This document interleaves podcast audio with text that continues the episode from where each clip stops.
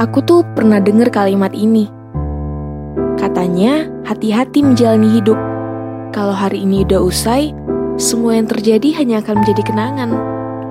Ya, sedikit kejam sih. Tapi memang itu adanya.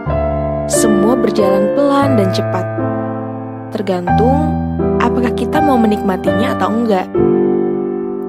Waktu tuh nggak bisa diajak untuk kompromi. Jadi bisa aja nih, apa yang ada di hadapanmu sekarang, beberapa menit kemudian akan tertelan oleh waktu. Dan aku nggak mau banyak protes, karena menikmati setiap momen yang ada saat ini, bagiku ya udah lebih dari cukup. Perkara apa yang akan terjadi selanjutnya, ya bukan kuasaku untuk mengaturnya.